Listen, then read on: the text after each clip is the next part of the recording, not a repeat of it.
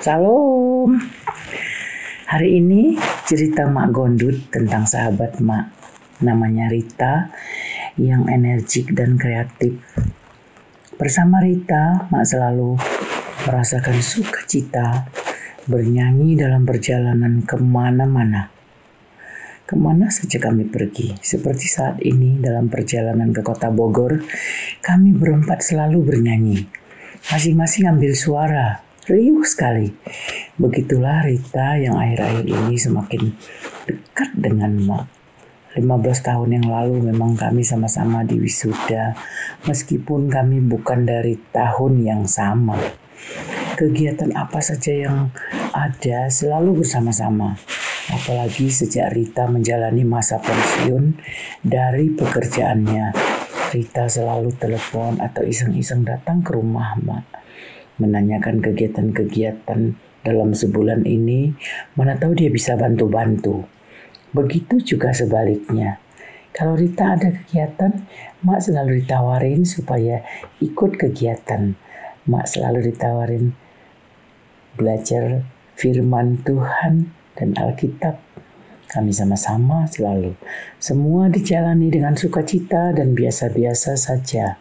Wajarlah. Tidak ada yang dipaksakan atau terpaksa. Acara ke Bogor adalah acara wisuda dan ibadah penutupan Alpa. Rita ikut karena ingin bergabung untuk selanjutnya. Dalam perjalanan kembali ke Bandung, kami juga mendiskusikan firman Tuhan yang disampaikan oleh pendeta Yosef yang diambil dari kitab 1 Korintus 15 ayat 58.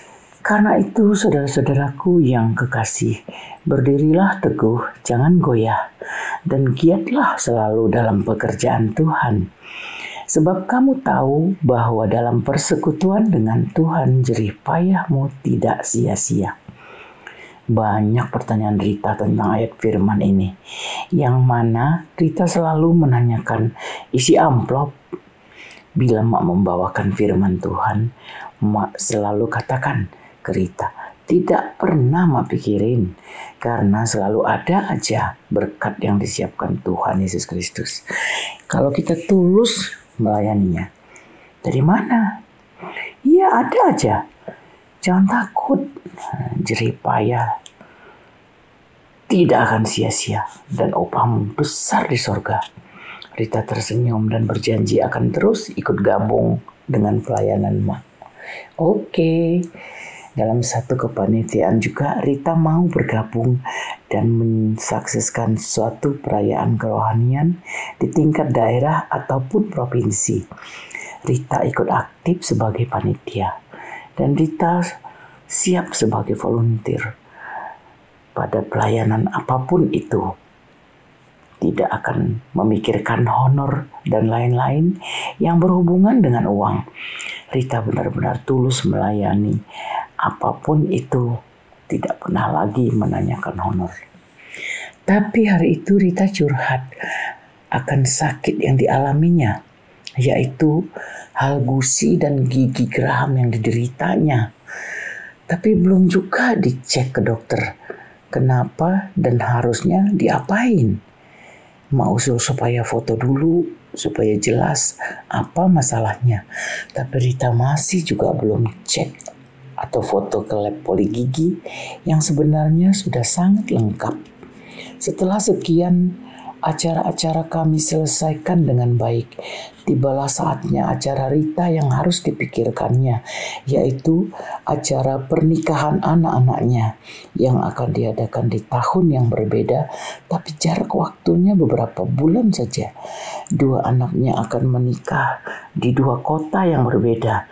Dari wajahnya sudah mulai kelihatan wajah yang kelelahan.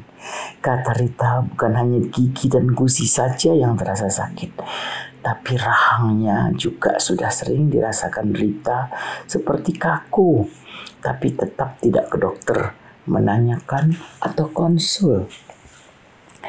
Acara pernikahan anak-anaknya yang dua orang itu memang masih lama.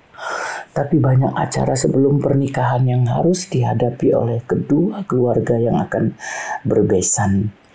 Di samping persiapan acara untuk kedua anaknya, ternyata masih ada acara yang harus diselesaikan Rita di kota Manado. Waduh, Manado, Sulawesi Utara jauh amat. Ya, ada acara yang harus dihadapi keluarga Rita yaitu mengangkat seorang pemuda menjadi anaknya yang akan menikah dengan keponakan suami Rita. Berarti Rita akan menikahkan anak tiga orang sekaligus dalam jarak berdekatan. Benar-benar persiapan yang sangat ribet. Materi, waktu, dan tenaga harus siap dan tidak main-main. Sekali tiga cing. Bayangin, tahun yang lalu mak menikahkan anak satu orang saja sudah hebat begitu. Ini tiga anak dan di kota yang berbeda dan jauh-jauh lagi. Wow. Kira-kira sebulan kami tidak ketemu dan sudah dua kali Rita kenal ke kota Manado. Dan acara di kota Manado katanya sudah aman dan sukses. Syukurlah.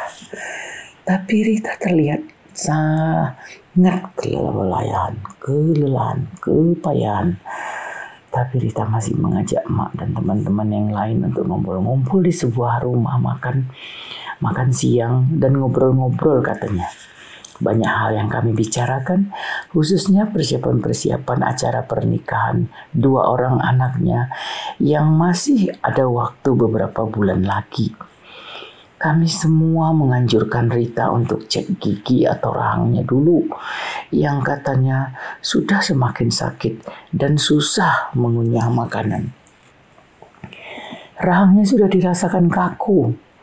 Rita seperti ketakutan meminta doa dari kami semua dan besok akan cek ke pol gigi dan mulut seperti yang tertulis dalam kitab 1 Yohanes 4 ayat 18. Di dalam kasih tidak ada ketakutan. Kasih yang sempurna melenyapkan ketakutan. Sebab ketakutan mengandung hukuman dan barang siapa takut, ia tidak sempurna di dalam kasih. Sore itu kami berpisah dan berjanji akan saling mendoakan satu sama lain. Khususnya mendoakan Rita supaya sehat-sehat, kuat, dalam menghadapi acara pernikahan kedua anaknya. Rita menggenggam tangan mak kuat. Tangan Rita basah, sepertinya nervous. Semoga semua baik-baik aja. Tidak seperti yang dipikiran Rita yang terlihat jelas pada wajahnya yang tegang, takut, dan sekarang wajahnya semakin pucat. Sebab itu, dengan yakin kita dapat berkata, "Tuhan adalah penolongku. Aku tidak akan takut. Apakah yang dapat dilakukan manusia terhadap aku?" Ibrani 13 ayat 6. Tapi Rita benar-benar takut. Pagi-pagi sudah telepon, mohon doa untuk kesehatannya. Ya semoga Rita tidak kenapa-kenapa. Sehat walafiat. Jam 9 pagi Rita sudah di lab untuk foto gigi dan mulut bagian rahang. Wei amat ke Wei amat ke Rita pagi itu untuk menguatkan Rita supaya jangan takut karena takut akan menambah debaran jantung yang membuat lemah. Bisa-bisa tensi naik, sangat memungkinkan lemah fisik down. Serahkanlah kekhawatiranmu kepadanya. Sebab ia yang memelihara kamu 1 Petrus 5 ayat 7. Janganlah hendaknya kamu khawatir tentang apa pun juga, tetapi nyatakanlah dalam segala hal keinginanmu kepada Allah dalam doa dan permohonan dengan ucapan syukur. Damai sejahtera Allah yang melampaui segala akal akan memelihara hati dan pikiranmu dalam Kristus Yesus. Filipi 4 ayat 6 sampai 7. Hendaklah damai sejahtera Kristus memerintah dalam hatimu, karena untuk itulah kamu telah dipanggil menjadi satu tubuh dan bersyukurlah. Kolose 3 ayat 15. Semoga Rita kuat dan tidak takut menghadapi semua yang ada di depannya. Perjalanan hidup, ya harus dijalani. Dan bersama dia, kita kuat. Emmanuel itu janji Yesus Kristus. Dari lab gigi dan mulut Rita disuruh untuk observasi karena diduga ada sesuatu di rahang bawah Rita. Dua hari Rita opname di rumah sakit itu. Selanjutnya setelah jelas mengidap CA, Rita dipindahkan ke rumah sakit yang lebih lengkap peralatannya. Rita pasti semakin ketakutan. Benar saja, Rita sangat takut. Ya, takut. Mak, Bagaimana aku ini, Mak? Aku lemah sekali. Padahal aku kan mau menikahkan anak-anakku. Kalau Rita sendu, Rita galau. Sehingga CA yang ada semakin cepat menyebar ke mana-mana. Waktu Mak dan teman-teman lainnya besuk, kami hanya bisa berdoa memohon untuk kesembuhan Rita. Menguatkan Rita supaya tidak cemas dan khawatir ketakutan meyakinkan Rita bahwa kami teman-temannya ada bersamanya, mendoakannya, kami menghiburnya, mengatakan suaminya sangat menyayangi dan mencintainya. Perhatian suaminya kepada Rita, uh, begitu tulus. Menggunting kuku Rita, menyisir rambut Rita, dilakukan di hadapan kami. Teman-temannya sangat mengharukan, so sweet. Hari itu, hari ketiga Rita opnama di rumah sakit. Masih bisa tertawa dengan kami. Hari selanjutnya, Mak besuk Rita yang banyak diem dan hanya memandangi kami dengan matanya yang basah. Rita mengatakan, enak ya kalian, sehat-sehat, segar-segar, dan ceria semua. Ya sabar ya Rita. Tuhan pasti beri kita kesembuhan. Khususnya kesehatan rohani kita tetap terjaga. Tetap di dalam dia, diberi sukacita dan damai sejahtera. Rita mengatakan, baru saja aku mau terjun di ladang Tuhan, melayani dengan tulus. Sudah stop karena sakit apakah aku masih ada kesempatan ya, Mak? Rita, niatmu mau melayani Tuhan dengan tulus itu adalah suatu hal yang paling disenangkan Tuhan. Tuhan melihat hati kita sungguh-sungguh atau tidak. Benar-benar menyerahkan hidup kita untuk bekerja di ladangnya atau tidak. Semuanya Tuhan Yesus Kristus tahu dan meniliknya benar-benarlah di dalam dia, meskipun fisik Rita lemah, tapi rohaninya tetap sehat-sehat dan banyak program ke depan untuk memuliakan nama Tuhan Yesus Kristus. Tapi ma, aku kan belum berbuat apa-apa, masih mau mulai aktif ikut kegiatan ma, tapi tapi apa Rita? Bukankah selama ini kamu sudah mengabdi sebagai guru, mengajar, pengajar yang mulia, dan keluargamu juga keluarga yang bahagia, happy family. Anak-anak juga bagus dan baik-baik. Sekolah dan pekerjaan mereka diberkati Tuhan Yesus Kristus. Apalagi yang kamu risaukan, sudah mendekati sempurna semua Tuhan turut bekerja dalam segala sesuatu untuk mendatangkan kebaikan bagi mereka yang mengasihi Dia, yaitu bagi mereka yang terpanggil sesuai dengan rencana Allah. Roma 8 ayat 28. Mak, aku merasa dipanggil tapi tidak diberi kesempatan. Hah? Kok Rita berpikiran begitu? Ya, Mak, aku sudah tidak diberi kesempatan Padahal aku sudah siap. Hidup ini hanya untuk Tuhan Yesus. Tidak ada yang lain. Aku sudah janji, Mak. Bagus itu, Rita. Tuhan Yesus Kristus pasti mendengar dan mengetahui isi hatimu. Dan Allah Bapa berfirman, Berserulah kepadaku, maka aku akan menjawab engkau dan akan memberitahukan kepadamu hal-hal yang besar dan yang tidak terpahami yakni hal-hal yang tidak kau ketahui. Yeremia 33 ayat 3. Selanjutnya, Janganlah takut, sebab aku menyertai engkau. Janganlah bimbang, sebab aku ini Allahmu. Aku akan meneguhkan, bahkan akan menolong engkau. Aku akan memegang engkau dengan tangan kananku yang membawa kemenangan. Yesaya 41 ayat 10 Sebab perancanganku bukanlah rancanganmu dan jalanmu bukanlah jalanku. Demikianlah firman Tuhan. Seperti tingginya langit dari bumi, demikianlah tingginya jalanku dari jalanmu dan rancanganku dari rancanganmu. Tertulis di Yesaya 55 ayat 8 sampai 9. Iya ya mak, desis Rita sendu. Semoga Rita dikuasai roh semangat yang meyakinkannya akan kasih Allah Malam itu kami pamit pulang setelah perawat beberapa kali mengingatkan kami bahwa jam besuk sudah selesai. Malah sudah lewat satu jam. Hmm. Tapi Rita masih juga menahan kami untuk tetap bersamanya. Berdoa dan bernyanyi menyembah Tuhan Yesus Kristus.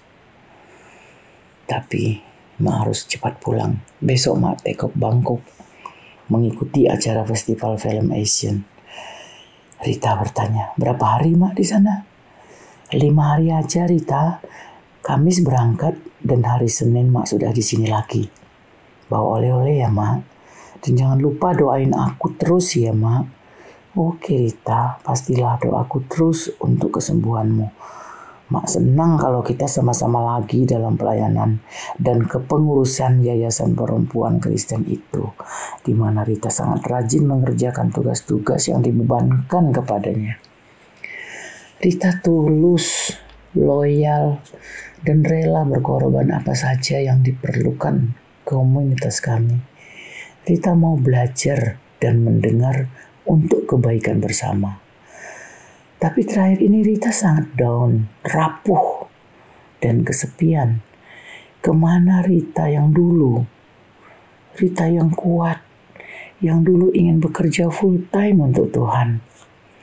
Rita yang sudah bernasar, mau hidup untuk Tuhan Yesus Kristus saja, supaya dipakai Tuhan sebagai alatnya. Lima hari berlalu, Mak sudah kembali lagi ke Bandung, siap-siap mau besuk Rita ke rumah sakit. Membawakan oleh-oleh yang dimintanya. Ada makanan dan souvenir yang sangat menyenangkan hati Rita. Begitulah pikiran Mak. Ternyata tidak. Rita sudah tidak bisa makan makanan yang Mak bawa. Rita sudah tidak bisa menjawab atau mengatakan sesuatu Rita hanya diam dengan mata yang sendu menangis, memandang kepada kami. Itu saja. Sampai kami pamit pulang, Rita tak bergeming. Meskipun matanya masih bisa melihat ke depan, tapi kosong. Kami berdoa. Mata Rita tetap memandang kami bergantian. Rita memaksakan bibirnya untuk tersenyum, tapi tetap kaku. Kami pulang dengan berbagai-bagai pertanyaan. Bagaimana selanjutnya dengan rencana dan kehendak Tuhan untuk Rita, untuk kehidupan Rita yang sangat ingin melayani Tuhan. Rindu menjadi saksi Tuhan Yesus Kristus kepada orang-orang yang belum mengenal Yesus, memberitakan karya salibnya, keselamatan jiwa-jiwa manusia yang berdosa, menjadi makhluk suci dan kudus yang serupa dan segambar dengan Tuhan Yesus Kristus. Tapi semua sirna dan rencana Rita hilang lenyap di telan waktu. Hanya Tuhanlah yang sudah mencatat apa isi hati Rita yang dikasihinya. Ya, Rita sangat dikasihi Tuhan Yesus Kristus. Malam itu Rita tidak jadi dioperasi karena sesuatu hal Dokter sangat detail menjelaskannya kepada suami dan keluarga Rita. Karena sesuatu hal, ya sesuatu hal, paginya kondisi Rita semakin menurun. Pendeta dan beberapa pengurus gereja siang harinya akan mengadakan acara perjamuan kudus khusus untuk Rita Roti dan anggur sebagai simbol daging dan darah Yesus Kristus menyatu ke dalam tubuh Rita, menguduskan dan menjadikannya kudus di hadapan Allah Bapa kita yang berkuasa dan menentukan kehidupan manusia dalam bidang apa pun itu. Hidup adalah Kristus dan kematian adalah keuntungan. Tetapi apakah katanya ini? Firman itu dekat kepadamu, yakni di dalam mulutmu dan di dalam hatimu. Itulah firman iman yang kami beritakan.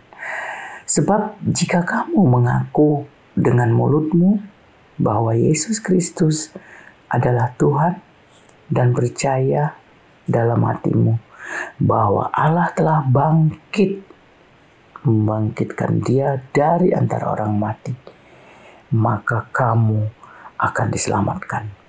Karena dengan hati orang percaya dan dibenarkan, dan dengan mulut orang mengaku dan diselamatkan.